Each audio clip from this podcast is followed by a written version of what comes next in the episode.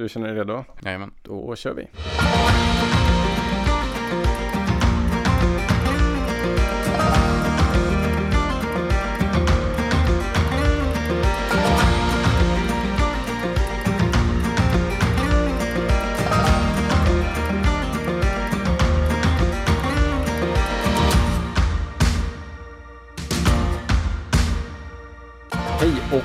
Hjärtligt varmt välkomna till Fjällvandringspodden. Jag heter Anton Levin och med mig så har jag Lukas Wennerholm. Tillsammans försöker vi åstadkomma en podcast för dig som är intresserad av vandring, fjäll, vinterturer och kanske lite klättring. Så låt oss vara din knarrande känga i skarsnön.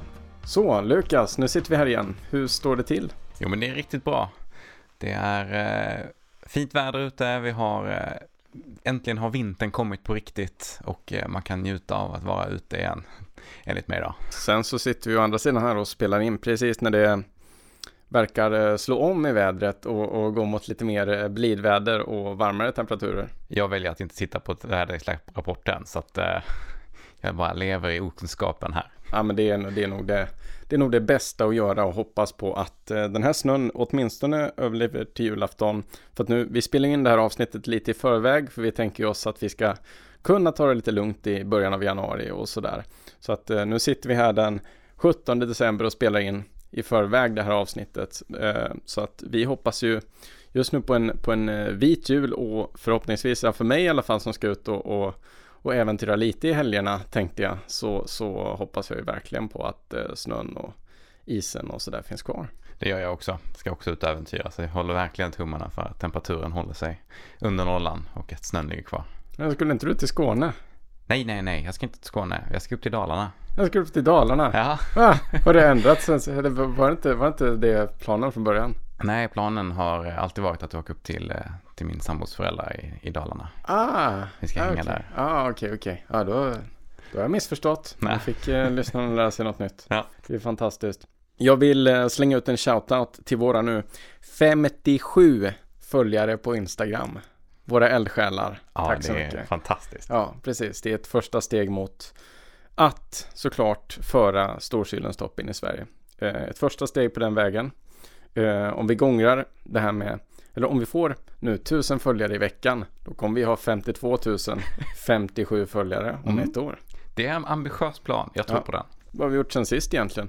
Ja, vi eh, nämnde ju i ett tidigare avsnitt här att vi skulle upp till Abisko och eh, klättra lite is. Och eh, det har vi gjort och är nu tillbaka igen. Ja, Det var ju en, en riktigt bra resa. Man kan ju inte säga något annat än det hade en ofantlig tur med, med vädret och det fanns mycket is och inte för mycket snö. Gjorde du något eh, spektakulärt i Abisko, Anton? en dag så var jag ute och fotade. Jag håller på att skriva en bok om isklättring i Sverige, så jag var ute och fotade för den. Eh, och eh, vet att eh, ni fick ett alldeles utmärkt äventyr den dagen. Jajamän. Eh, Men sen så var vi också ute på ett äventyr tillsammans och sen en, en dag då vi klättrade lite vid ja, sidan av vägen. Men det är Ja. inte det, är inte det liksom, mest spektakulära så. Nej, men det är inte. Men det är väldigt bra så att värma upp och komma igång. Ja, absolut. Vi, vi klättrade ju eh, Rittangira om jag eh, kan uttala namnet korrekt, vilket är en, en eh, bäckfåra som rinner ner för eh, Lokta, Nej, Nuja. Nuja, Mm. precis. Så rinner ner för Nuja, precis, eh, precis en liten bit från Abisko. Man, man ser den här bäckravinen från Abisko. Och den går upp ungefär där, där liften upp till den här Aurora-stationen ligger. Det var en, en lång och härlig dag. Det är ju en... eh, Det är nästan som en vandring delar av vägen och lite då och då så dyker det upp små, små isgrejer som man får klättra förbi. Så det var en riktigt härlig dag, dag ute. Jo, precis. Men det är ändå som vandring att eh, ja, ska man inte gå på stigen utan gå på isen så behöver man ju åtminstone bra broddar. Ja, och vattentäta skor eftersom det Ja. rinner vatten. ja, ja.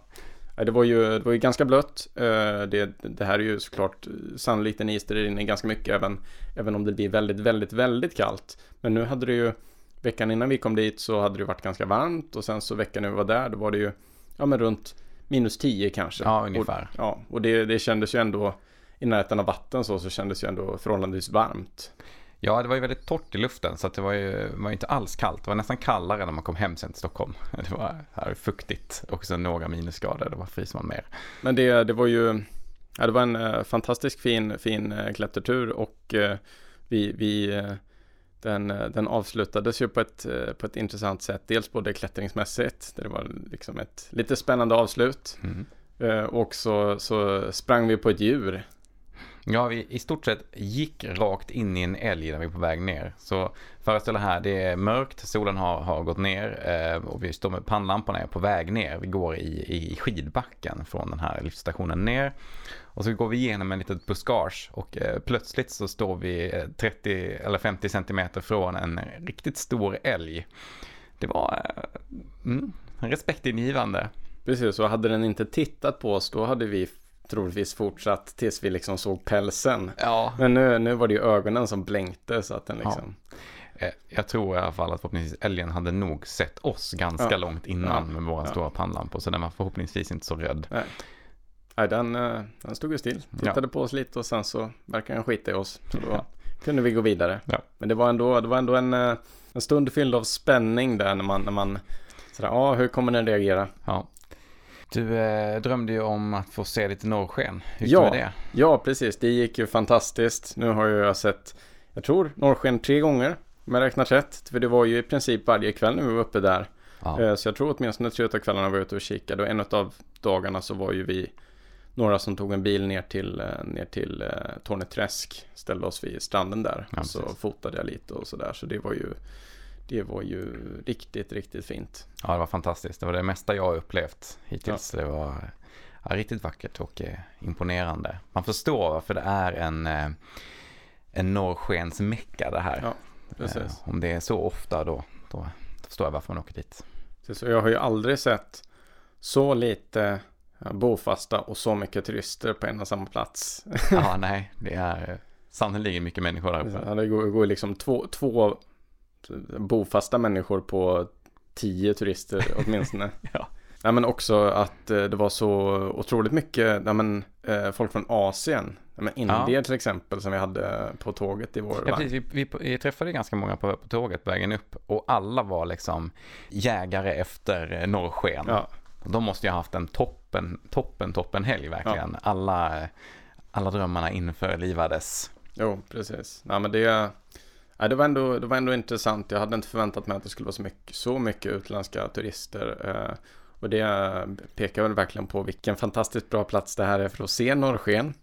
Eh, och eh, ja, men också att det är känt ute i världen. Ja. Att det är hit man ska åka. Liksom. Att eh, det är inte bara folk från, folk från eh, södra Sverige som åker upp. Utan Nej. det är folk som flyger dit. Och tar nattåg Mm. sen. Ja, jag tänk- tänker mig att många flyger till Arlanda och kanske tar tåget därifrån. Ja, precis. Vice versa. Du kan ju flyga till eh, någon flygplats efter kusten. Men jag vet Ja. inte vad, vad, du måste ju ändå byta och sen ta tåg. Så att du tjänar nog varken så mycket tid eller pengar på att göra så. Nej. Eh, nej men så att det var, det var en, eh, ja men du måste ju ändå berätta lite om vad ni, vad ni gjorde dag två där. Ja, den här dagen när Anton var ute och... Nej men du, du förresten, vi missade min fadäs. Ja, Jag var lite lätt besviken på Ja, Anton. ja. Vi, vi, vi kommer ut till eh, där den här bäckfåran startar och eh, vi tänker att här, här ser vi isen så vi börjar klä på oss alla, alla grejer. Och så packar vi upp allting och alla selar och grejer och så Anton gräver sin väska och bara Fan, jag har inga isskruvar med mig. Och tittar på honom och bara, men du, det, du skämtar va? Nej, det, det gjorde han inte. Men jag hade så här eh, på morgonen där, vi har pratat om det här och Anton bara, nej men jag tar alla iskruvar så lämnar dina hemma Lukas. Ja men då gör jag det. Så men, men jag tänker, ja jag tar nog med mig några ändå. Jag sätter med fyra stycken. Och det var de vi hade på hela dagen. ja och i normalfallet så kanske, ja men det kan vara bra. Det är, det är väl gött att ha så här mellan, eh, mellan 11 och 14 stycken beroende på vad det är för typ av, av eh, led man klättrar. Eh, och eh, nej, vi hade fyra. Eh, men det här var ju en led där det faktiskt funkade ganska bra, som tur var. Ja, vi var ju inte tvungna att vända. Det hade, Nej. det hade verkligen kunnat vara så att det inte Ja. hade gått liksom. Men eh, Precis. det funkade helt okej. Ja. Jag känner inte att det, det begränsade vår fart heller. Annars kan det vara så att det tar väldigt mycket mer tid för att man har så få. Men, men här så... Ja, så snarare tvärtom då, att vi bara gick på. ja, precis, precis. Vi, vi, vi drog ner på säkerheten istället. Ja, det gick fort istället. Men nej, det var, det var snällt. Det var snällt. Det gick bra. Ja, men så, så var det ju. Och sen så... Eh, drog jag ut och fotade nästa dag och du eh, hittade på något annat. Mm, vi eh, tittade ut en, en annan is som låg eh, lite längre ner, eh, eller lite längre bort ifrån Abisko. Och, eh, vi eh, var, tror vi var, vi var tre stycken som skulle klättra tillsammans. Uh, och uh, den här isen så går man liksom upp längs från vägen så går man upp på en ganska brant så här bergssida täckt med snö. Och så kommer vi upp till isen, väl där uppe så ser vi att det är en, en ganska stort och ganska brant. Vilket är, är väldigt roligt för det var det vi letade efter. Vi har med oss ett rep såklart. Eh, som vi har lånat av eh, en, eller en av, en av dem jag klättrade med hade lånat det här repet av en annan kompis det var ett hyfsat gammalt rep sådär, men, men ändå eh, ett, ett rejält och, och fint rep. 70 meter långt var det också, så att, eh, långt rep. Mm. Eh, mm, vi, vi klättrar hela dagen, det går superfint eh, och lagom till att vi ska ta oss ner så har eh, solen har gått ner, eller ja, den går ju aldrig riktigt upp, men, men, men det har blivit mörkt i alla fall. Och eh, på sista, sista stället när vi ska fira oss ner för, för isen så, eh, så är jag sist ut. Och jag ser att eh, vi har trätt repet in genom isen. Det är så man tar sig ner utan att lämna någonting. Eh, och det rinner också en hel del vatten eh, över repet och eh, ner i de här hålen där vi har trätt in repet. Det var nog så att ingen tänkte på det när vi satte dit det och jag var själv kvar där uppe när jag ser att det här är inte så bra och känner lite på det. Det har ju fullständigt fryst fast i isen. Perfekt! Så jag står där och så, ah, nej, eh, det här är inte så bra. Men jag inser också att mina kompisar, de har ju firat ner med all utrustning, så jag har ju ingenting kvar, så jag kan inte flytta, jag kan inte flytta repet. Eh, och det är ju ett, eh, ett rookie mistake kan man ju säga. Men jag lyckas dra loss det lite grann så att jag känner att, ah, okej, okay, det sitter inte fast. Men eh, det är ändå 70 meter firning så att det kommer ta mig några minuter att ta mig ner och antagligen så hinner det frysa fast igen. Och eh, precis det här händer. Så att när jag har tagit mig ner för, för repet och vi ska få eh, ta med oss det ner och inte lämna det, då sitter det helt fast. Och eh, jag tror vi stod och drog i det i eh, ja, 40 minuter, en timme. Men eh, till, till förgäves, för vi får inte ner repet. Och det är ju ganska mörkt. Och eh, det är ingen som är sugen på att eh, klättra upp 70 meter längs repet. Eh, så vi, vi, vi lämnade det. Ja. Och det här har vi fått mycket skit för. ja, skit och skit, men det är kul att, eller liksom, det är kul att prata om det. Mm. Uh, och det, jag, jag, fick ju, jag satt ju i, i bilen när det, när det här inträffade och en av dem som, som uh, Lukas då klättra med. Han ringer mig i liksom panik och bara Anton har du någon idé vad vi kan göra? Så jag sa det, ja, det, det sannolikt får ni klättra. ja. Sen, så, sen så åkte jag till, till Abisko, eh, vad heter det, Mountain Lodge. Eh, bytte om, gick till bastun, hade det gött. Ja. Och så stod ni där ute och jobbade hårt. Mm, förgäves dessutom. Ja, det var... Vad ska man säga? ett, ett misstag man helst slipper göra om. Vi hade ju ändå eh, lite tur för att det är ju, ju man måste göra flera eh, firningar för att ta sig ner. Och hade det här hänt eh, på en av dem längre upp, då hade vi inte haft något val. Då hade vi varit tvungna att klättra upp igen för att eh, man, annars kommer man inte ner. Men det här var den sista, så vi, eh, vi, kunde, vi kunde lämna repet. Och det man kan säga för den, den som blir lite orolig när den hör att vi har trätt repet genom isen för att fira på det, det eh, det här, det här är ju, eh, vad ska man säga, ett standardiserat tillvägagångssätt. Att man, man borrar två hål i isen som är ganska djupa. Som då eh, går i kontakt med varandra så att man kan dra repet genom en, en ganska bra bit is. Och det, mm. det, det håller för väldigt stora vikter. Generellt kan man säga att de här repen de är de är, eh, de är testade för ja, runt två ton kan man väl säga och eh, det brukar vara så att eh, isen, eller vad säger repet ger sig före isen. Ja. Så att det är liksom, det är, det är rejäla säkerhetsmarginaler när man gör det här så att ni inte tror att vi... vi Nej, det är väl beprövat.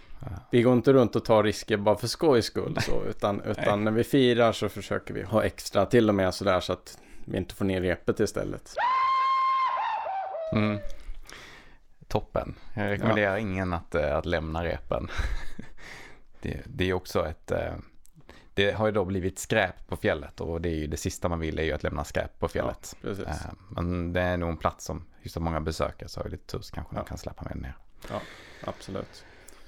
Eh, nej men så det, det var ju en, en, eh, några fantastiskt fina dagar. Träffade många nya människor. Vi var väl en, en eh, eh, nej men typ eh, 30 pers, 30 olika isklättrare Mm. från runt om i Sverige. Många från Stockholm men också många norröverifrån. Umeå, Kiruna, några Göteborg. Så, Mm. så att eh, många fina ljughistorier i bastun Ja, och sådär. visst. Ja, Det var roligt när vi kom tillbaka från vår klättring så eh, det var ingen som var intresserad av att höra hur dagens klättring hade varit utan alla var bara intresserade om hur vi kunde gjort så fel som glömt repet, alltså fått repet att fastna. Och sen var någon som bara, hur var klättringen? Ja, det var ju toppen, men det var ingen som var intresserad av det. De ville bara kritisera vår rephantering. Man får bjuda på sig själv Ja, lite, visst. precis som jag med skruvarna. Liksom. Ja. Det, det, alla har ju sin eh, historia att dela med sig av därifrån. Så att vi kom hem och vintern liksom hade ju, hade ju slagit till i Stockholm ordentligt här också. Vi fick ju, vi fick ju det där snövädret här i början på november men sen kom ju faktiskt kylan och vi fick Mm. lite ny snö och eh, framförallt is. Så vi kunde isklättra här nere också. Ja, det är inte varje år det, Nej. det går att göra det. Så det var väldigt roligt. Ja, och framförallt så tidigt, alltså liksom innan jul. Annars brukar ju januari vara den kallaste månaden normalt. Men nu så jackpot, full Vi har jackpot. rätt, rätt kombination av lite tö och lite minusgrader. Ja. Så att det rinner.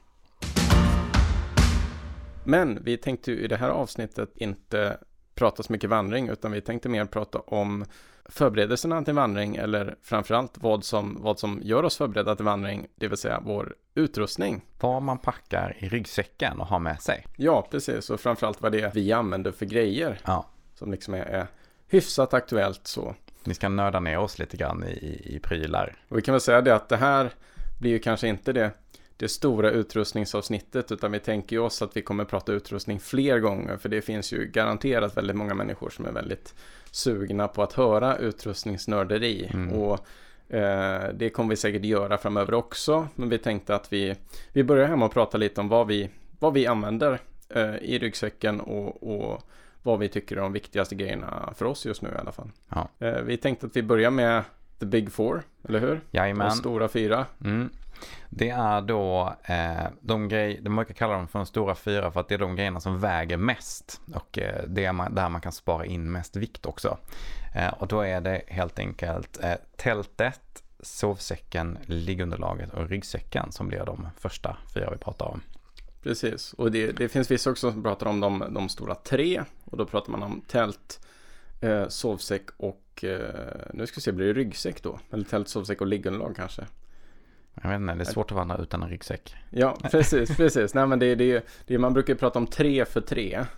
Tre kilo för, för tre grejer och det ju vara de tre tyngsta. Så det borde ju vara Ah. tält, sovsäck och ryggsäck då som de tre tyngsta. Ja, Normalt sett. För liggunderlaget är ju normalt sett lättare än de, de tre andra. ja, det går i alla fall att få riktigt lättare Precis. liggunderlag. Och det, då pratar man om det att då ska vara de tre, tre tyngsta grejerna ska totalt väga färre än tre kilo. Och då kan man säga att det är liksom det är det lättviktsvandrarna pratar om. Och sen är man så här ultralight-vandrare. Då pratar man om kanske fyra för tre till och med. Att man ska ha alla de här fyra grejerna då under tre kilo. Och då börjar man behöva vara liksom kreativ och köpa lite specialgrejer. Mm. Och vi kan säga att eh, jag har aldrig uppnått de här vikterna. Det är... Eh, jag tycker det är ganska svårt att liksom ha tillräckligt bra grejer för det här. Jag, jag har gjort det eh, två gånger. Mm. Eh, dels på ett, eh, ett lopp jag sprang där man var tvungen att vara självförsörjande. Ah, ja. Ha med sig tält och allt sånt där och bära med sig vikten under hela loppet. Så skulle man springa sex mil och sen tälta. Då, eh, om man var tvungen att ha med sig någonting som kunde sägas vara ett tält. ja. Och det skillnaden mellan tält och en bivack, det är att en tält har ju liksom någon typ av stång. Okej, det måste ha en stång. Ja, det som är precis. regeln. Ja, precis. Jag var tvungen att få mitt tält godkänt. Och då, det var innan jag hade köpt ett lättviktstält. För det har jag nu. Eh, Det tältet, det, då, då eh, moddade jag ihop en tältstång till en, eh, en bivack. så att jag fick en ställning inuti bivacken. Och det var ganska trevligt för då slapp man ju ha den i ansiktet liksom Mm. också. Så att det var inte en helt dum idé. Så, och då, eh, liksom min då tältbivack landade på så här 250 gram. Så det var, det var Det ganska... är extremt lätt. Mm. får man säga. Kanske inte så vindtåligt om man får gissa. Eller å andra sidan eh, extremt vindtåligt. Eh, för det, det ja okej, okay, det stängerna kanske ger sig, men bivacken är ju kvar. Det, då måste ju jag blåsa bort. Det är bara en påse som ja, ska ner i. Precis, mm. precis.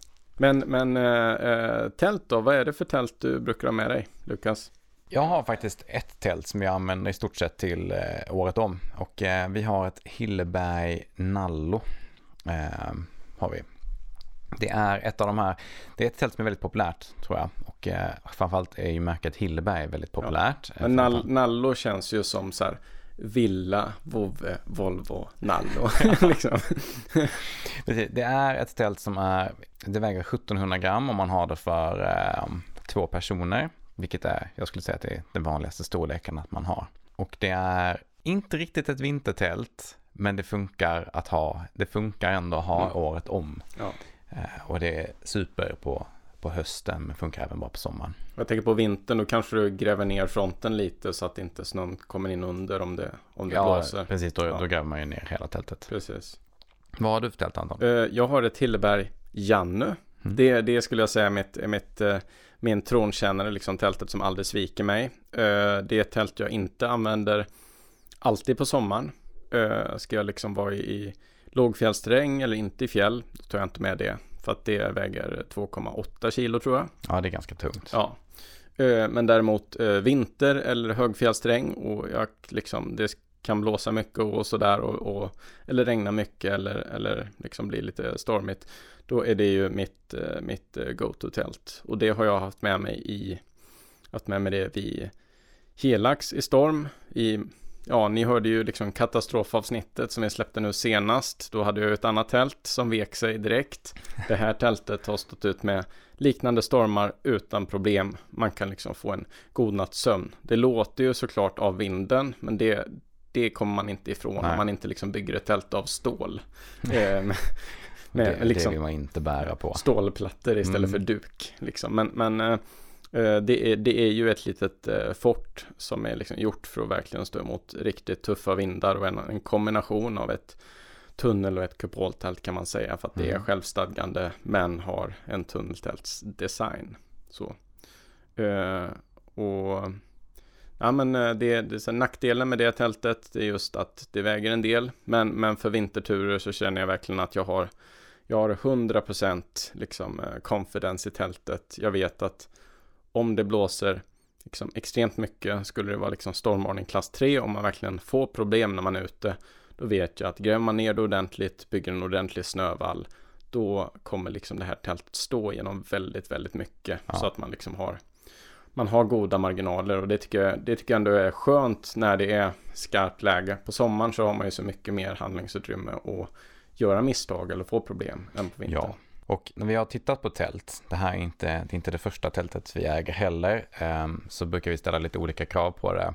Och eh, man kan väl kolla på dels om det är gjort för att kunna stå eh, upp i lite mer storm eller om det är gjort för att vara ett mer lättviktstält som man kanske använder i, i låglandsmiljö bland, bland, i skog där det blåser betydligt mindre. Liksom. Mm. Men ha, ska man ha någonting som som klarar av att stå pall uppe på kalfjället där det inte finns någonting att ta skydd bakom så eh, skulle jag i alla fall vilja hävda att det är bra att ha ett ganska rejält tält. Ja.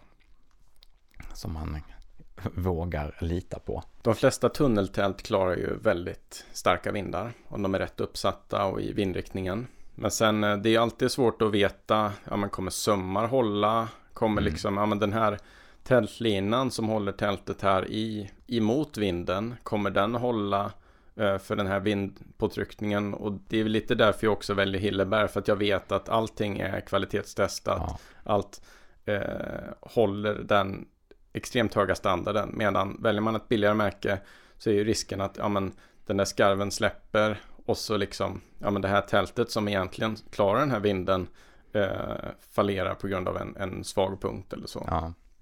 Ja, vi har ju eh, provat det här nallotältet i rejält med vind, dessutom i, i fel riktning. Vi hade, vi, hade, ja, men vi hade slagit upp det på en, på en sluttning och ja. det fanns liksom bara en riktning man kunde ställa det på. Det ja, var som en liten, liten, liten, liten platå där det precis mm. fick plats ett tält och sen blåste det då ja, på tvärsen mot tältet liksom. Mm. Eh, och eh, vi, eh, lite lite in i historia. Man Ja. vaknar mitt i natten av att tältduden ligger och trycker mot kroppen på Ja. en. Liksom. Eh, men eh, med lite, men om man håller uppe duken lite grann och hjälper Mm. tältet lite Ja. så, så håller det utan problem. Och det känns väldigt, det är väldigt skönt att veta att man kan lita på det när man Ja. är en bit från någonstans att ta skydd i. Ja. Jag vet liksom. Verkligen. Sen är ju det, det lyxiga med Nallo är ju att man får en eh, rejäl absid. Ja. Det har eh, mycket plats för förvaring så man slipper eh, ha sina grejer utanför tältet. Ja, Eh, Det precis. vill man ju verkligen undvika. Eller för den delen behöva sova med alla grejer runt Ja, omkring en. Det precis. är alternativet då. Mitt tält är ju lite mer minimalistiskt i extra utrymme så. Mm. Det har ju en, det har ju en absid som, eh, som definitivt, ja men det, det räcker. Men det, man får ju inte det här komfort extra utrymmet som man får i ett Nallo. Nej. Nallot går ju eh, att laga mat i Ja. om det är dåligt väder. Ja. Så att tar man ner, om man är två stycken så kan man ta ner innetältet när man är i tältet. Mm. Och så kan man laga mat om man har ett, eh, ett hyfsat säkert kök i alla Ja. fall. Så kan man liksom laga mat i tältet. Och det är ju otroligt skönt när det är busväder utanför Mm. att slippa gå ut och bli blöt. Framförallt kanske på morgonen så kan man äta frukost i tältet. Precis. Det är skönt. De får ju slänga in en disclaimer att tänk på att ha ordentlig med luftgenomströmning om du ska laga mat i tältet. Ja, man ska ju då egentligen inte köra gaskök i tälten. Nej. Men eh, Nej, men, ja, och ska man det så, Mm. så var försiktiga. Eh, Jag vet inte hur det är. Jag tror det är så dessutom att eh, den här gasen som bildas, den är, den, om den är lite lättare än luft eller om den väger lika mycket som luft. Så att det är inte så att den sjunker. För det trodde jag först, att den, den sjunker liksom. Så att har man till exempel på vintern grävt ett grävt en liksom kokgrop så att säga Mm. ute i sin eh, absid så tänkte jag ja men då är det ju lugnt för då kommer ju det där liksom då kommer ju det så den, den luften där syret är borta den kommer liksom sjunka men så är det inte utan det är mer komplext. ja, Ja. precis Eh, så, att, så att man behöver ha god eh, sörja för god ventilation som Ja, det brukar stå. Ja, jag tror, jag tror det sitter i, i Hillebergstälten sitter en stor lapp. Ja. Där det står att man inte får lov, att man ska hålla open flames far from the canvas. Och nu har vi ju slängt in en disclaimer Ja, här så att eh, inte ens amerikanska lyssnare kan Nej. eh, stämma oss här om vi vi har gett dåliga råd. Sovsäck då? Mm. Jag har eh, två olika sovsäckar. Eh, en jag använder på vintern och hösten och en jag använder på sommaren. Båda är dun. Ehm, och ehm, den ena är då, ja, min sommarsäck är då lite, lite lättare såklart. Men jag har ändå en, en förkärlek för eh, varma sovsäckar. Så jag skulle säga att även min sommarsäck är en sån som håller ner till noll grader. Mm. Vad har du för något? Jag använder eh, två stycken eh, Marmot-säckar, Ja. båda dun. Ena är Marmot Face 20, som är- man liksom ultralätt vandrare så känner man igen den här för att det är en, här, en klassisk sovsäck. Den är väldigt dyr, det är en stor nackdel, eh, så det är en ganska stor investering. Eh, Men den väger så här 660 gram tror jag. Ja, det är så- lätt. Ja, så den väger väldigt lite och har en komforttemperatur. Eh, den vanliga komforttemperaturen så att säga eh, är på nu ska se, 0 grader eller minus 1. Och eh, den här T-limit då som då sägs ska vara för män. Men Mm. jag, min uppfattning är någonstans att ja, men en normal man säga, ligger nog någonstans emellan ja. Ja. men, den vanliga komforttemperaturen och T-limit. För jag, jag fryser om det går allt för nära där. Ja, jag är också en, eh, helt klart en, eh, en kall person. Jag fryser ganska mycket på nätterna. På dagarna kan jag ha lite kläder på mig, men när jag sover. Så jag går alltid på, på den riktiga komforttemperaturen, eller då damernas komforttemperatur. Det är den, det är den jag tittar på när jag köper någonting. Liksom. Men eh, den går ner till minus 7 i alla fall. Och jag har, jag har nog sovit i den i minus 5 Mm. i alla fall. Och jag brukar, eh, ja men för vinterfjäll så funkar den jättebra. Jag har tältat på 2000 meter med den. Eh, och jag har sovit i åtminstone minus 5 med den. Och eh, ja men sen med dunjacka och underställ. Ja men jag tar ju på mig alla mina kläder då för att ha lite marginaler. Ja. Då funkar det ju väldigt bra. Det här är alltså din vintersovsäck då? Nej, nej, det här Nej, är min sommarsovsäck. Ner till minus 7. Med ett minus sju, ja, ja, precis. precis. Ja, min har nog också en T-lim Ja, någonstans där, precis. men, men komforten noll. Mm. Jag har ju en, en minus 18 då, uh, Marmot Litium. Det är min, eh, min eh, normala vintersovsäck och sen har jag en vintersovsäck som är, eh, har komforttemperatur minus 36 tror jag. Det är kallt. Ja, precis. Och den är väl tänkt att ja, man ska till Himalaya eller sådär eller ja. Får jag för mig att göra vita bandet någon gång eller sådär så kan det vara bra att ha en. Framförallt det var, det var, det var 30% rabatt på den och jag tänkte att nej nu, nu, nu kör vi. Eh, men annars det går ju också att kombinera mina, mina två dunsålsäckar. Det är också ett alternativ. Ja. Jag har ju, om vi nu ska gå in på de lite mer specifika märkena, så jag har en, en, en min vintersovsäck är en Marmot eh, Never Summer heter den. Mm. Den går ner till 0 Fahrenheit, så det är väl också minus 18 tror jag. Mm. Eh, jag skulle säga att den är lite kall när mm. det är minus 18. Ja. Då vill man ha, då vill man ha eh, mer med sig eller mm. sova med eh, dunsov, någon, någon rejäl dunjacka eller sådär. Eh, och min eh, sommarsäck då, det är en mammut, jag tror den heter Nordic, vad är det heter? Nordic Three Season eller något ja. sånt där. Mm. Och den ja, har noll då som komforttemperatur. Ja. jag har faktiskt sovit i, i minus 25 med min minus 18 sovsäck och det gick bra. Ja. Uh, men då hade jag ju, då hade jag min, eh, min eh, dunjacka på mig också ovanför. Men det handlar väl främst också för att, inte, inte bara för att, alltså jag brukar oftast bli kall i nedre delen av kroppen först. Så jag brukar sällan bli kall i överdelen, men däremot märker jag att jag, jag vaknar väldigt lätt om det kommer in lite kall luft. Mm. Eh, runt liksom den här mumie, eh, liksom så om det läcker in lite och det kan vara en, ett så litet, litet läckage och det har jag märkt att har jag en dunjacka på mig så minskar risken så otroligt mycket för det för då har man ju huv, ja. en extra huva liksom. Så även, även om jag tycker att den försluter väldigt tätt så räcker det med att man rör på sig lite för att förstöra det där. Ja. Jag brukar eh, alltid ha en, eh, ta en fleecetröja eller någonting annat, ha i sovsäcken så jag tättar till. Så jag lägger som en, liksom, en så här, en puff runt över kroppen så att det inte en kan boa. läcka ner. Ja, exakt, så att det inte kan läcka ner massa kall luft. Um, en annan grej som jag tänker på med sovsäckar är ju det finns ju oftast två eller tre längder. Eh, short, medium och lång. Mm. Eh, och jag har lite problemet att jag kan inte sova i en, den normallängden. Men den långa är nästan alltid lite för lång. För mm. de är gjorda för personer som är ja, upp mot två meter. Mm. Eh, och jag, jag är typ 1,90 där. Och det blir det blir alltid så här massa extra luft nere i botten. Ja. Och det vill man ju gärna undvika. Så att eh, man måste leta efter en sovsäck som har rätt ja, längd. Precis. Om man vill hitta något som, är, som passar en bra. Så man undviker de här kalla döda centimetrarna längst ja. ner i sovsäcken. Sen finns ju, det finns ju alltid företag som Cumulus till exempel där man kan få måttanpassade sovsäckar. Mm. Om man har råd med sånt. Ja, för, men de är inte så dyra faktiskt. Nej, kanske inte. Äh, det är i, i relation så. så de, de, de har, för de har ju en standardmodell liksom och sen så kan man välja ja, vilk, vilken, vilken längd på den. Så att det, det lägger inte på så många kronor att, att få den måttanpassad. Nej. Uh, Eh, så det, det kan nog vara värt. Ja, och det, jag vet att det är, det är väldigt många som har goda erfarenheter med dem. Så att eh, jag har själv inte använt dem, men, men eh, ändå så uppfattar jag det som att folk är väldigt nöjda med de grejerna de har köpt därifrån. Ja. Och om jag minns rätt så är det ett polskt företag som ja, levererar till Sverige. Mm. Jaha, när vi pratar om att sova ska vi gå vidare till nästa. Eh, ja. Liggunderlaget. Ja, precis. Mm. Och där ja. tycker jag det finns ett liggunderlag. För ja. mig, men alla håller inte med mig. Och det är för att vissa tycker att det knarrar, knarrar för mycket och de stör sig av det. Men det här är ingenting jag tycker är ett problem för att jag, jag ligger inte med örat mot liggunderlaget. Eller vad det är nu, nej jag vet inte varför. Men jag, för, jag förstår att, det, att folk kan uppleva att det knarrar lite. Eh, men, men eh, jag tycker inte att det är något, något eh, stort problem och jag tycker verkligen letar efter ett lätt liggunderlag som förvisso är det dyrt men det kan ersätta alla andra liggunderlag så, så tycker jag ju verkligen att uh, Thermarest, nu ska vi se, vad heter det?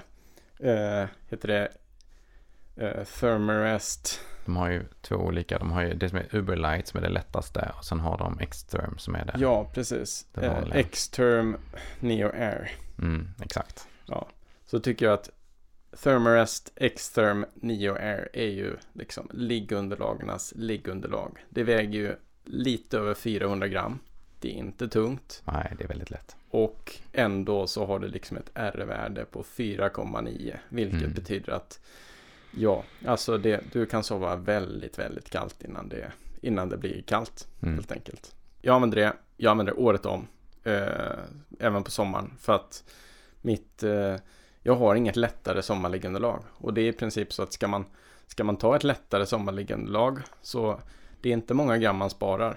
Det man kan spara många gram på, det är möjligtvis om man köper ett sånt liggunderlag som bara täcker överkroppen till exempel. Mm. Då kan man spara många gram. Men ska man liksom, är man ute efter att spara vikt så är jag tycker det är svårt med liggunderlag, speciellt om man har ett, ett liksom Thermas liggunderlag som redan väger 400 gram. Det är inte så mycket mer man kan uh, spara sen. Nej, jag tycker att liggunderlag är klurigt. Ja. Um, jag har faktiskt ingen, ingen fixed, alltid Nej. samma grej, utan um, jag brukar använda, på vintern så har jag ett, eh, ett sånt här dun liggunderlag. Det är Mm. från Mountain Equipment Mm. heter de. Och det har också ett R-värde på minus, eller på 4,8 tror jag, eller 4,9. Okej.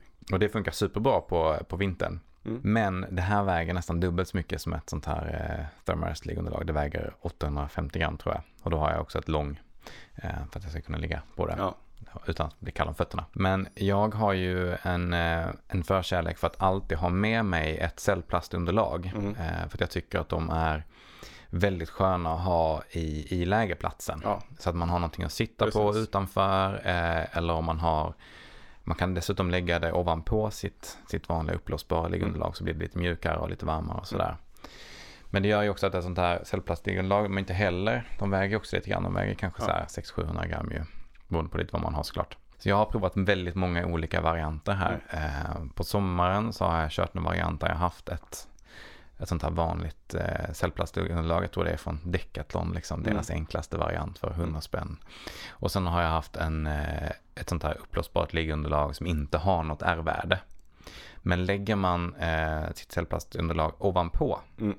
så är det nästan alltid, eller det blir aldrig kallt Nej. enligt mig i alla fall. Nej. Men eh, ja, jag tycker det är, det är lurigt. Jag hade gärna haft ett sånt här som du har, Ja. men jag har inte, jag vill inte investera så mycket Nej, pengar i nej. det. Det, ibland så kan det ju vara, vara nedsatt i pris. Jag tror, jag tror det kostar 2000 när jag köpte det. Ja. Men jag tror att eh, listpriset så att säga är, är högre. Mm. Det finns väl en nackdel som jag tycker är negativ med eh, det här liggunderlaget. Eh, och det är att kanalerna går åt fel håll i min, i min, min, min tycke och smak.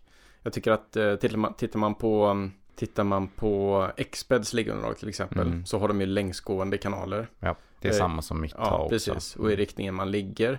Och det tycker jag är det mest liksom rimliga. Man ligger bäst på dem. Ja, Man det är ligger still. bekvämare är det. Man ligger still på dem. Medan Thermers liggunderlag har ju tvärsgående eh, sådana här liksom luftkanaler. Eh, och eh, så det är lättare att liksom glida av. Jag vet att eh, det finns en del som lägger, lägger liksom polyetylenplast på liggunderlaget som anti-slip. Mhm. Alltså tänk dig att det är, Mm. som ett, det är som ett lim som blir till liksom gummi. Oj, de har eh. liksom penslat på det. Ja, precis. Ah, okej. bara, bara lite på, Mm. på några ställen. Så att det liksom blir anti-slip så man inte kan glida av. Och det har jag faktiskt funderat på om man skulle, man skulle göra. För att det är väl egentligen den största nackdelen med det här liggunderlaget. Att det är, det är lite glidigt och eh, det, ja, men så ligger man lite snett eller inte helt perfekt. Så är risken att man glider av det.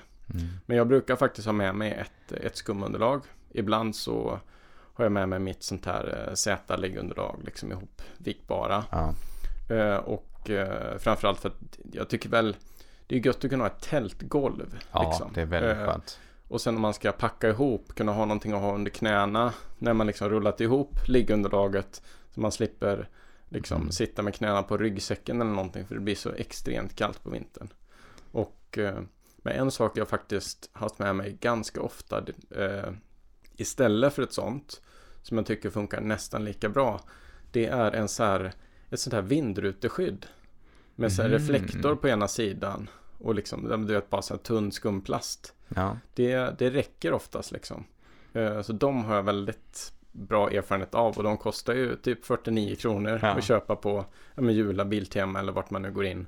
Och eh, de, de adderar den där lilla extra komforten och ja, men tar väldigt lite plats och väger inte så mycket. ja, jag vet ju också att, eh, som du säger, det finns, där finns det många varianter liksom man kan göra för så här tunna liggunderlag. Jag har någon kompis som har så här två millimeter tunt, eh, det är väl någon form av skumgummimaterial liksom. Och det är, som också används för just det, att ha liksom ett litet golv och någonting som isolerar lite grann vid sidan av sitt.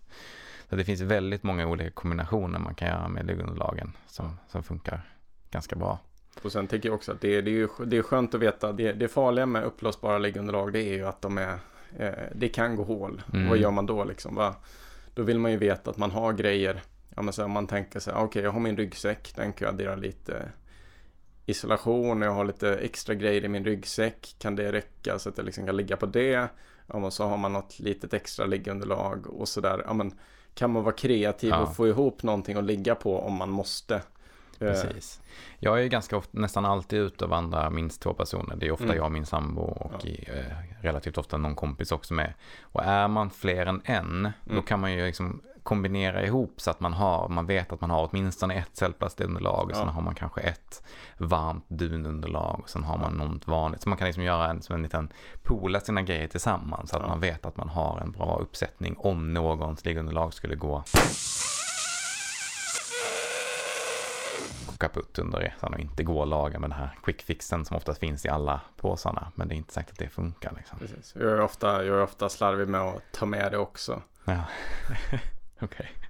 Okay. det, det, jag har fått hål i ett liggunderlag en gång. Jag vet inte hur det uppkom. Det måste varit att det kom in grus eller något sånt där. Och då fick jag det precis mellan två kanaler. Och det hade varit väldigt svårt att liksom snabblappa på, på, ja. på ute i fält. Utan det behövde jag ju behövde tömma och sen lägga sånt här ja, men, lim och sen ja, täta det med, med liksom ett nytt lager med, med tyg. Ja, ja, då är det så. Jag har haft ett som också som gått sönder. Det var det själva fogen som höll ihop det på, på ja. kortsidan. Ja. Hade liksom, den bara smällde. Ja. Så det var ett ganska stort hål och eh, det, det var omöjligt att laga. Så det var, då är jag glad att jag hade ett cellplastunderlag med mig. För det gick inte att göra någonting åt. Du vet att det finns någon typ av maxfix-indikator Lukas på de här? Nej, alltså. Vad menar du? Alltså att man eh, inte får lov hur mycket det kan laga? Nej, jag, jag tänker om det exploderar. Ja, precis, ah, precis. Jag ja. tänker om det exploderar när du satte dig på det, då... Nej, det var ju en barn, barn, barnliggunderlag. precis, det man vill ha som bara täcker typ eh, rumpan och ryggen. Ja, precis. ja, nej, det var ett vanligt liggunderlag mm. som gick sönder. Sen uh, ryggsäcken då. Den mm. sista av de, eh, de stora fyra. Ja, jag har en Osprey ryggsäck eh, och eh, jag har deras eh, den här eh, den heter Aether Pro tror jag den heter. Den är gjord i en sån här Dynema eh, lättviktsmaterial som ändå är starkt. Eh, det är långt ifrån den lättaste ryggsäcken man kan hitta där ute. Den väger tror jag eh, 1600 gram. Eh, så det är en hyfsat eh, tung ryggsäck då ändå. Men den är liksom ratad för att man ska kunna bära så här 27-28 kilo i. Mm. Så det är ju en riktigt rejäl ryggsäck och den är väldigt, den är alltid bekväm att bära. Eh, och den rymmer 72 liter tror jag. Eh, jag har, eh, den är hyfsat nyinköpt för mig. Jag har haft lite olika ryggsäckar. Eh, bland annat en sån här fjällräven kajka ja. som väger nätta fyra kilo. Som vi bägge har. Ja, vi har, exakt vi har en exakt likadan tror ja. jag. Väldigt roligt. Precis. Vad har du för något? Uh, bortsett från min fjällräven kajka som mm. uh, det, det är typ, det är typ ryggsäcken man har när man ska gå och handla. Ja. lite så. Nej men, uh, nej, men det, nu är jag lite så här som du var på uh, liggunderlag där. Att jag har liksom ingen fast ryggsäck så Uh, som jag liksom är, är helt uh, fäst vid skulle jag säga. Ja, men så här, jag har inte hittat någon ryggsäck på 50 liter och uppåt som jag är helt nöjd med. Nej. Jag går i tankarna och funderar på att köpa en, uh, ja men uh, någonting, någon Dynema ryggsäck till exempel. Eller något åt det hållet. Någon lite lättare med ett enklare bärsystem. Mm. Funderar jag på. för jag gillar ändå att hålla mig ganska lätt, speciellt när jag vandrar. Alltså det är en sak om jag ska till en plats och vara där en vecka. Då, då kan jag faktiskt släppa med min kajka för att ja. bara konka in jättemycket grejer och, och kunna leva lyxliv. Men ska jag liksom ut och vandra då vill jag ändå hålla det ganska lätt och då vill jag ha en lätt ryggsäck också med inte liksom ett, ett så här superbärsystem. Uh, och, och jag har inte riktigt bestämt mig för vad jag vill ha. Men än så länge så har jag de senaste åren framförallt eh, använt en 40 liters ryggsäck när jag varit ute. Eh, och det har funkat. Alltså eh, även när du vandrat i flera dagar? Ja, mm. precis. Mm. Upp till åtta dagar har jag använt ja. 40 eh, liters rygga. Det är eh, imponerande. Ja, och det, men då fick jag ju ha några grejer på utsidan också. Mm. Men det var också så här, grejerna som hängde på utsidan, det var ju klätterutrustning. Okay. Att, ja, men för att vi ja men vi klättrade lite, vandrade lite, klättrade lite, vandrade lite Mm. på den liksom där vi, där vi gick. Så att det var ju saker jag använde under dagen så det kändes inte det kändes inte som att jag fuskade genom att ha det på utsidan om man ska vara, om man ska vara sån. Ja. Sen så är ju inte, jag tycker ju inte att det så här, ska man ha det på insidan eller utsidan? Det är inte så viktigt så länge så här, ska man ha det på insidan då är det väl framförallt för att man vill hålla saker torra möjligtvis Mm. och då kunna ha det i packsäckar eller så. Och då, men eh, är det saker som det inte spelar någon roll om de är ute i regnet då tänker jag att då spelar det inte så stor roll att de är utanför. Eh, men, eh, och det är ju då en, eh, nu ska vi se, vad heter den då? Mm, mm, mm. Den heter, eh, och det är ju då en, en eh, Patagonia Alpinist heter ryggsäcken. Ja. Eller Patagonia Ascensionist heter ryggsäcken. Eh, och eh, det är då en, en eh, 38 eller 40 liters ryggsäck. Den är eh, hyfsat vattentät. Eh, och eh, ja, men jag tycker den har ett okej bärsystem. Men det är ganska minimalistiskt. Eh, den väger ungefär 700 gram. Eh, Mm. Och eh, ja, men jag tycker jag får, får ner det jag behöver.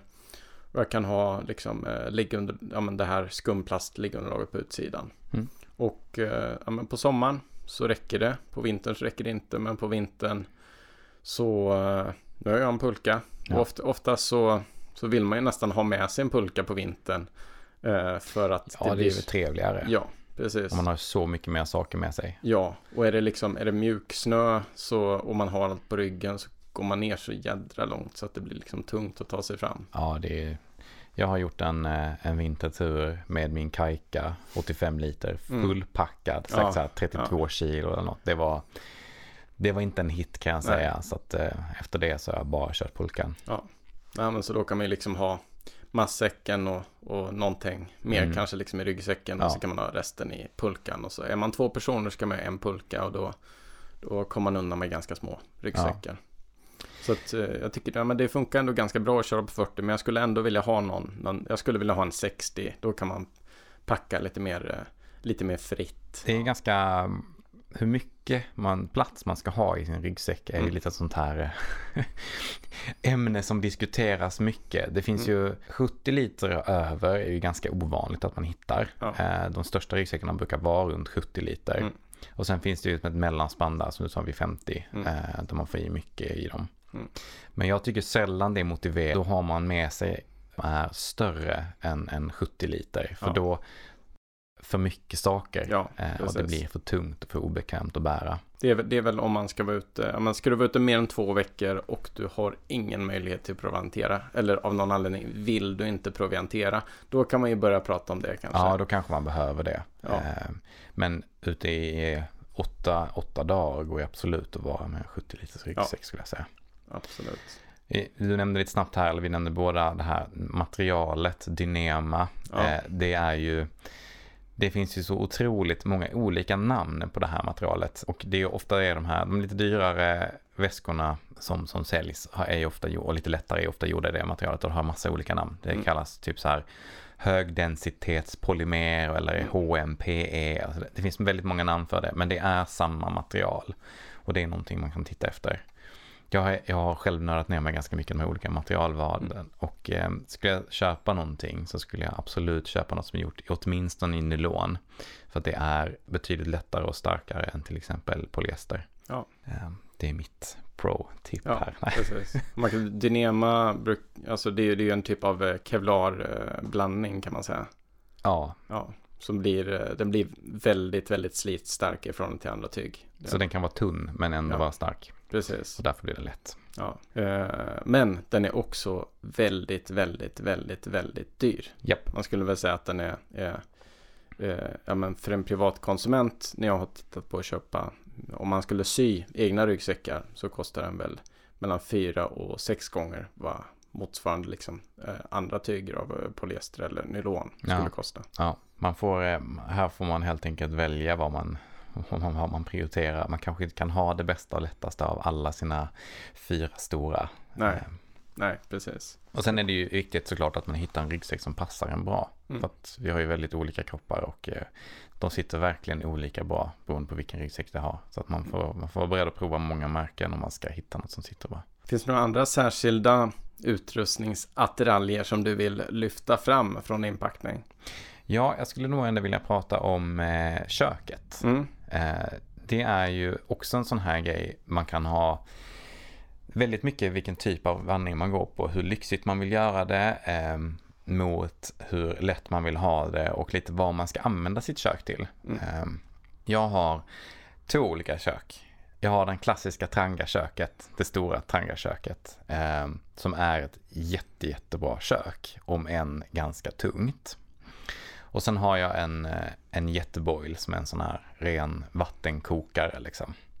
Men en lite större variant av en jetboil. Eh, som, eftersom vi ofta går två så är det trevligt att ha. Om man bara ska ha med sig ett kök så är det trevligt att ha en lite större om man är två stycken. Vilket använder du mest? Eh, sen vi köpte jetboilen så bara jetboilen. Ja, Äh, och, det, och ändå var du tvungen att säga efter, efter Changa-köket så var du tvungen att säga ett jätte, jättebra kök. Ja, nej, eh, jag, men, jag säga så här, jag använder relativt ofta Tranga-köket ändå. Jag har Mm. med det ut om vi är på så här dagsutflykter eh, där man har med sig bilen eller liknande. Typ om man går på någon så här lyx eh, en natts eh, sova vid någon sjö eller sånt där nära bilen. För då kan man liksom ha med sig en rejäl stek, en, ett stekjärn liksom. Så Ja. kan man eh, och koka mycket pasta och liknande. Så det, det är ju praktiskt om man Ja. ska laga mycket mat och är fler än en. Liksom. Det är ju ett kök på ett annat sätt. Ja, det är liksom ett kök, men det kanske inte riktigt passar sig på, lång, på längre vandringar. Liksom.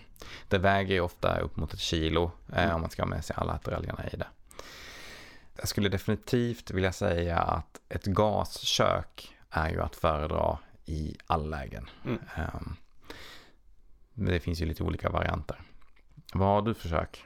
Eh, det, vi konstaterade här innan, jag vet ju inte ens vad jag har för kök. Jag har Nej. ju, ett, eh, jag har ju en, eh, en kopia på Jetboil kan man säga. Det som jag köpte på, på rea. Jag tänkte det här blir bra. Och det har funkat väldigt bra. Jag, tror, jag tror att det, det, är- det är hyfsat snarlikt ditt kök. Det är Mm. bara att det är ett annat märke. Och det är inte Primus. Jag kommer faktiskt inte ihåg Ja. vad, det, vad det var för märke. Men varianten, eh, en gryta som man fäster en brännare i. Ja, precis. precis. Och, och där brännaren står av sig själv. Eller ja, det finns ett par ben till brännaren också. Ja, man, kan, man kan använda om man vill. Eh, så det är nice. Eh, däremot så upptäckte jag ju att det eh, när jag köpte det här köket så har de ju precis ändrat formen på de här gastuberna. Har du upptäckt, har det påverkat dig också? Ja, det Mm. är fruktansvärt irriterande Ja. för att då passar inte ben och annat längre Nej. på, eh, Precis. på gastuberna. Jag har lyckats med lite våld få benen att sitta. Mm. Eh, det går, de sitter inte som de ska, men de sitter så att det blir stabilare än vad det var Ja. utan. Och eh, den här liksom gasventilen, ventilen, när man ska öppna den så tar den liksom i flaskan för mig. Men den funkar fortfarande, man kan liksom volda förbi den. så det, det funkar, jag gissar på att det var därför de här såldes ut asbilligt. Ja, det är, ja, det är verkligen, eh, man kan fråga sig varför de har gjort den här förändringen. Mm. Är det för att tvinga fram att alla ska köpa nya kök liksom? Ja, jag vet inte. Jag, jag det, tror inte det. Det Nej. borde ju vara så. Det borde ju ha att göra med någon. eh, Alltså jag tänker utifrån att typ hela världen använder den här typen av gasflaskor. Du kan liksom, Ja, du kan flyga till Indien, köpa dem. Du kan flyga till liksom eh, eh, Sydamerika och köpa dem. Eh, så jag tänker att det måste ju finnas någon typ av standardisering internationellt kring det här. ja, Ja, men friluftslivet, visst vi är en stor konsument, men frågan är, är vi den största konsumenten på de här små flaskorna? Jag har ingen aning. Det nej, kanske vi är. heller. Men, Nej, men, men eh, det, det borde ju vara något annat som har drivit fram den här förändringen. säkert. Säkert. Men det, det är mycket irriterande om man måste, Ja. för man vill ju inte köpa nya kök. Eh, men som tur var så tror jag de flesta kan man liksom antingen, man kan byta ut enskilda delar, köpa Ja. liksom nya ben om man skulle Ja. behöva göra det. Eller bara bränna delen eller liknande. Så att det, det funkar ändå. Jag har ju, jag har ju plockat fram lite grejer. Jag har mitt tält här, jag har eh, min sovsäck här, den jag pratat om. Men jag tänkte, jag har en, en jacka här som jag tänkte skryta lite om som jag gillar väldigt mycket. Ja.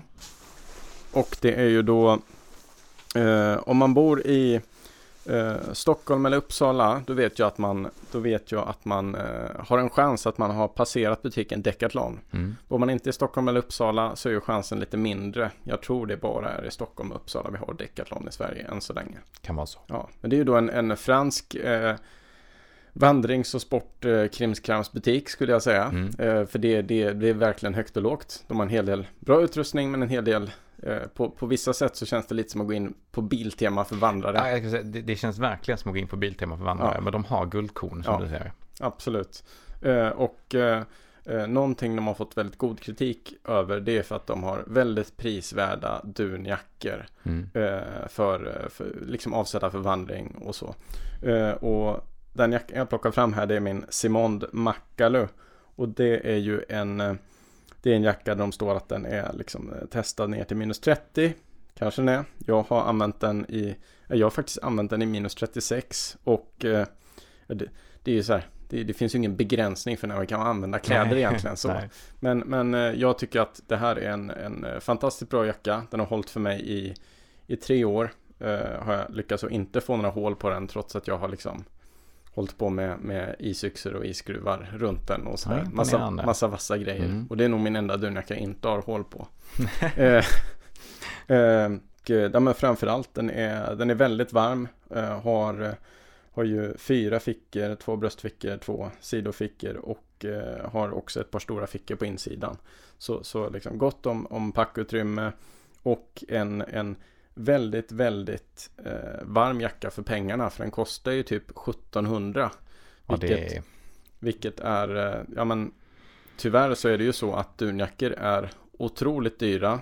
Eh, och eh, ja men i princip vilken tillverkare man än tittar på så står det liksom att de tar etiska hänsyn och sådär.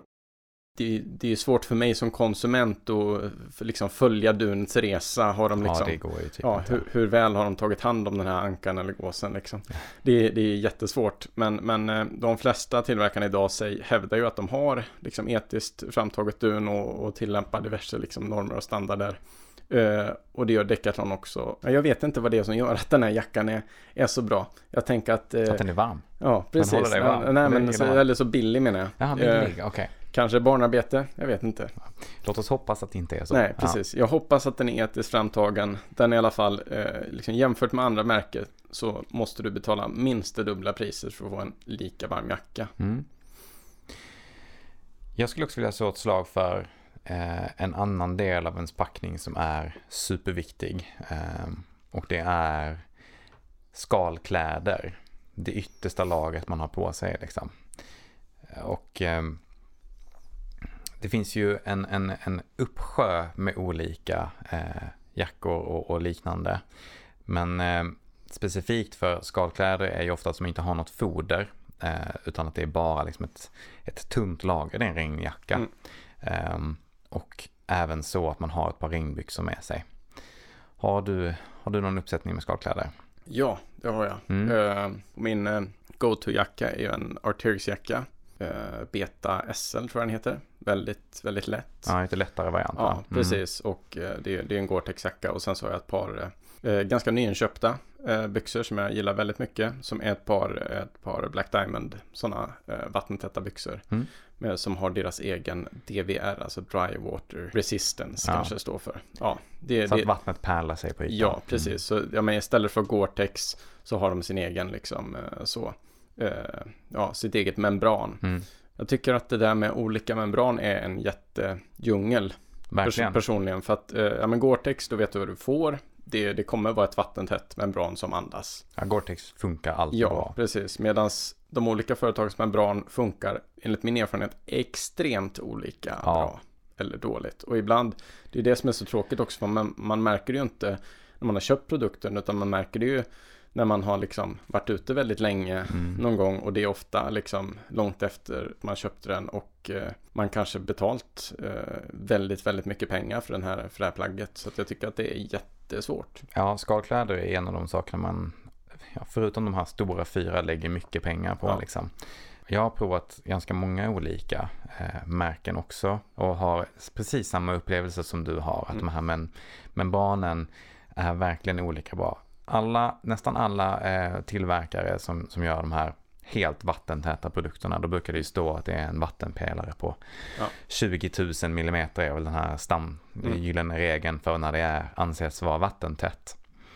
Men eh, jag har haft eh, eh, kläder, så här regnbyxor som det står 20 000 på som efter 30 minuter i lätt regn Mm. är blöta rakt igenom. Mm. Eh, och sen har jag också haft an, en annan, min jacka som jag har idag, vilket också är en Arcteryx, inte den lätta varianten, Mm. men det är också en sån, den blir aldrig blöt. Nej. Det är en Gore-Tex-jacka och den, Mm. den håller, om det regnar i, i två dagar liksom, Mm. så, så är den vattentät. Ja. Vilket är fantastiskt. Det är eh, helt klart en djungel vad man ska välja. Och jag har reflekterat lite över det här med, med hur mycket behöver ett plagg andas. Mm. Och min, min personliga upplevelse det är att eh, på överkroppen det behöver plagget andas ganska mycket. Ja. För att annars så blir man liksom blöt från insidan. Men däremot på, på benen så skulle jag säga att plagget behöver andas desto mindre egentligen. Mm. Eh, I alla fall för mig, för det är sällan jag blir svettig om benen. Eh, och, eller, eller för den delen liksom under livet. Eh, så när jag är ute och vandrar. Jag, tycker, eller jag upplever inte det som ett problem i alla fall. Så där skulle jag faktiskt kunna. Ja, men jag har haft ett par turer där jag använt vanliga regnbyxor. Liksom Mm. billiga som jag bara köpt på någon, på någon jaktbutik eller så här 500 spänn. Och så, så har de liksom varit genomtäta, inte andats. Och det har liksom, upplever jag har funkat ganska bra. Ja. Ja men så länge de är lite luftiga så att luften cirkulerar lite när man Mm. går så har det liksom eh, funkat. Jag har eh, egentligen bara ett krav på mina eh, byxor och det är att de går att ta av sig utan att ta av sig Ja. skorna. Att de har en hel lång zipp på sidan. Ja. Och det är oftast tyvärr, för att hitta det så måste man oftast tyvärr eh, hitta någon av de dyrare Ja, kläderna. precis. Egentligen spelar det inte så stor roll vilket material Mm. de är gjorda av så länge de är vattentäta då. För att som du säger, Mm.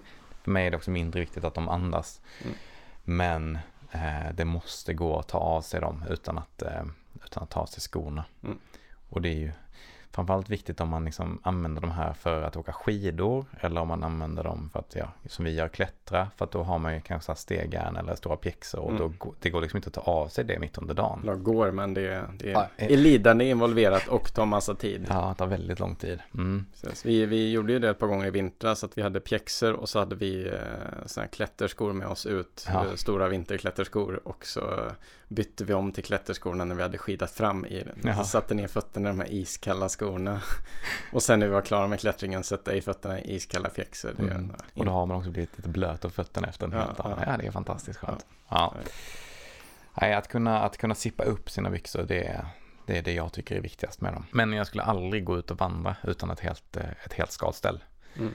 Det skulle jag säga är viktigt. Jag har ju, jag har ju vandrat ganska mycket utan eh, regnbyxor. Ja, eh, även i regn. Eh, men då haft eh, ett par, ett liksom merinounderställ och sen ett par löpartights utanpå. Mhm. Och liksom Mm. bara accepterat att bli blöt. eh, och jag tycker att, ja men det, på sommaren är det ganska okej att bli blöt om benen, tycker jag. Jag Ja. tycker inte det är så jobbigt. Det Nej. börjar bli kall om överkroppen. För att, eh, ja det är sällan jag börjar frysa om, om, liksom, om benen på sommaren. Så även om det är, är liksom hyfsat kallt. Jag tänkte precis fråga vad, vad använder du för, för vandringsbyxor? Men då har du alltså lite olika. Ja, eh, det, det jag använder mest för, som vandringsbyxor idag det är ju olika typer av funktionsmaterial från, eh, från liksom, menar, typiska klätterbyxor. Mm. Jag har ett par eh, byxor från Mammut som heter Kom- Courmayeur.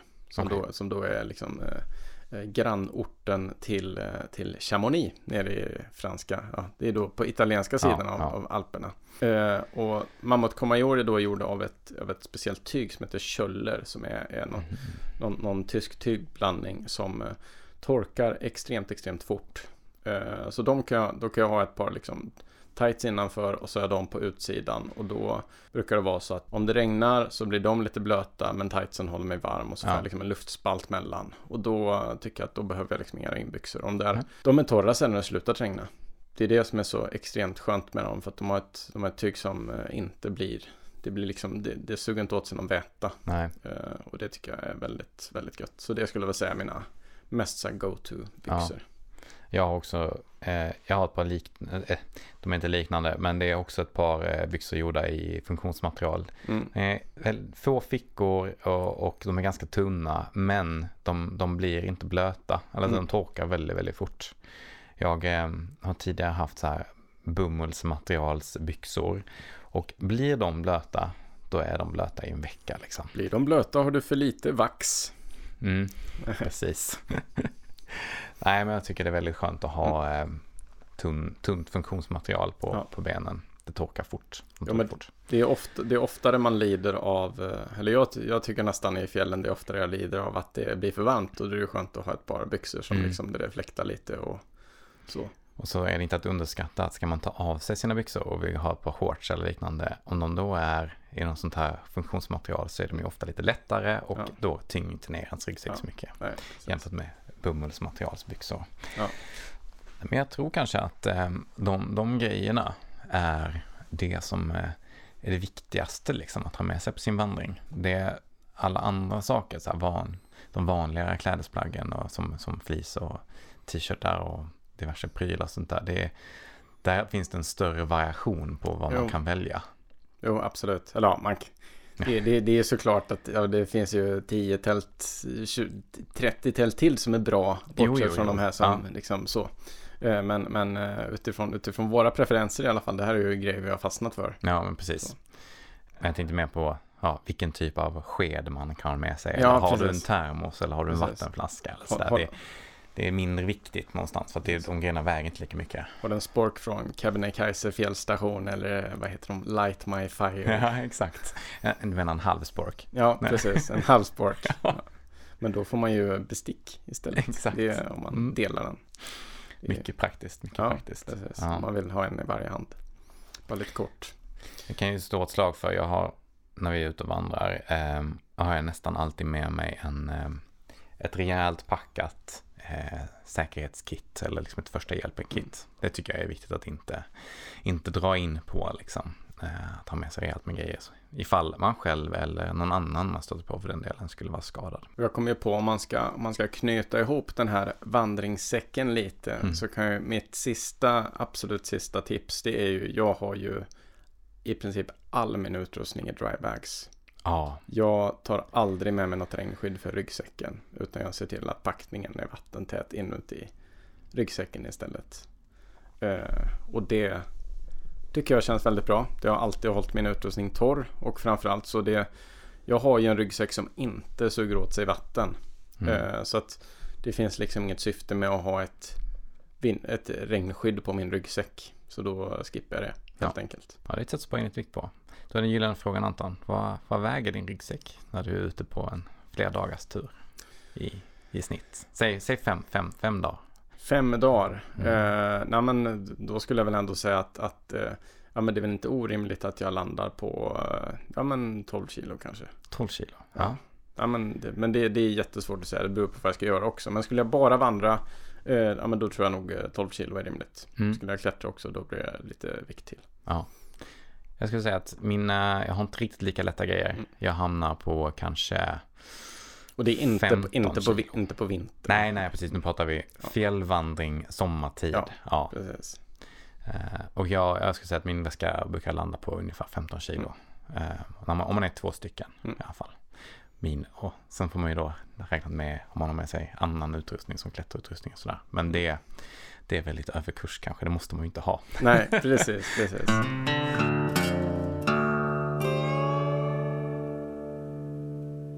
Vi hoppas att eh, eh, vårt utrustningsnörderi har lett till, eh, eh, till lite inspiration hur man kan tänka eller eh, om det är så att du har suttit och varit osäker över, över liggunderlag eller sådär så har du ju så har du ju två personers åsikter att inspireras av nu.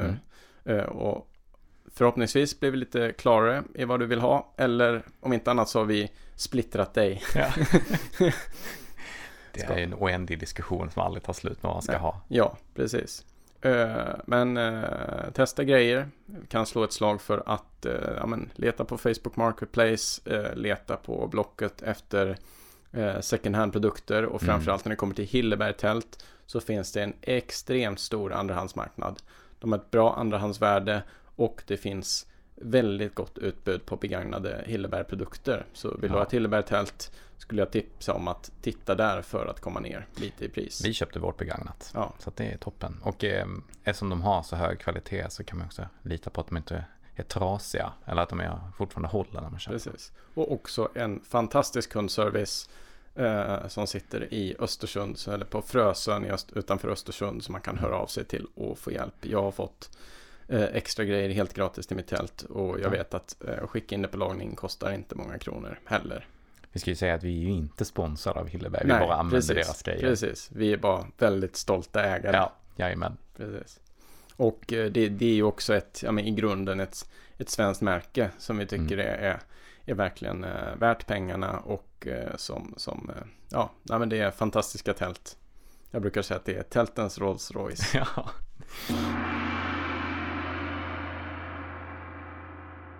Jag ser ju fram emot att eh, dra lite norröver under semestern eller under julen eller Mm. nyårshelgen och eh, jag hoppas verkligen att det inte blir för varmt för då ja, blir det rått och, och jävligt. Det är inget roligt att vara i tält då eller vara ute och skida på fjället. Har du bestämt dig för vart du ska åka någonstans? Eh, jag, är, eh, jag är lite sugen på att se eh, Skäcker, Skäcker, fjällen. Någon som kan uttala det här kan ju men, men eh, Skäckerfjällen skulle jag säga med svensk eh, liksom uttalsregler i alla fall. Ja, jag kan inte uttala det bättre. Ja, Ja, nej, men det ligger ju en bit norr om Åre. Mm. Eh, Nej, jag vet var det är någonstans. Ja, Mm. precis. Och, och är ju en av de nederbördsrikaste platserna i Jämtland. Så det, det är ju stor chans. Toppen om det är i, i plusgrader då. Ja, nej, nej.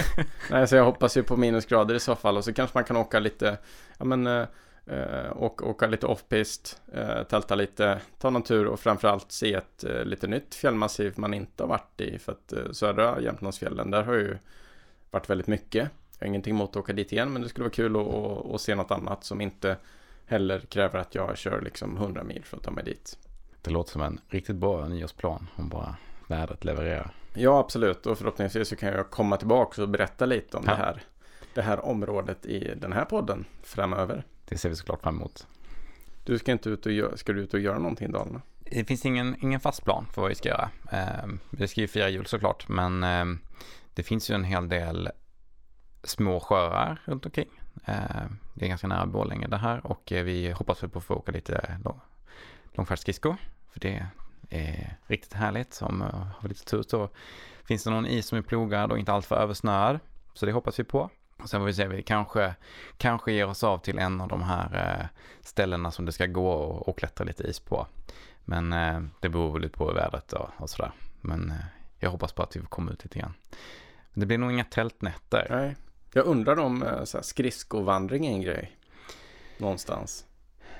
Proble- problemet, problemet är väl att man tar sig så jädra långt på en dag. Ja, jag vet faktiskt inte. Det känns ju liksom absolut sjö- som det borde gå att göra. Precis, men sjön tar ju slut på en dag. Liksom. Ja. Det, det, du måste ju nästan eh, hitta ett sätt att, att koppla ihop flera vattendrag. Ja, alltså jag vet ju att det finns många, många långturer som man kan Mm. vara ute en hel dag i många timmar på. Mm. Men om man kan eh, koppla ihop flera och vara ute och tälta i flera Ja, dagar och, precis. och åka skridskor, ja det vet jag inte. Ja, det är nästan så att, okej, då får det bli, får det bli extremt kallt väldigt länge så man kan ge sig ut på så här, åka kustremsan eller någonting. Ja. Det får inte heller ha snöat ju. det Nej, måste vara precis. klart. Så att Ja. det inte är massa, så att det faktiskt går att åka på Ja. isen. Ja. Vi får, vi får återkomma på det. Ja, Ja, se om det ja, är någonting som absolut. går att göra. För det vore ju en extremt cool grej då. Verkligen. Det, det skulle ju verkligen, eh, det, är- det är liksom motsvarigheten till att cykla på vintern lite. Men det går fort. Man kommer väldigt långt. det är härligt. precis, precis.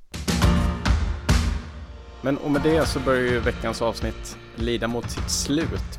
Glöm inte att eh, prenumerera på oss i ditt flöde. Vi som gör den här podden, vi heter Anton Levin. Och Lukas Svennerholm. Om du uppskattar det vi gör, sprid gärna ordet så vi kan fortsätta prata om vandringen. Vill du komma i kontakt med oss så hittar du oss på Instagram. Dels genom vår nya Instagram, Fjällvandringspodden, men också genom Anton Levin på Instagram och Lukas Svennerholm på Instagram. Eh, och glöm inte redan nu att planera din nästa tältnatt. Tack för den här gången. Vi ses om två veckor.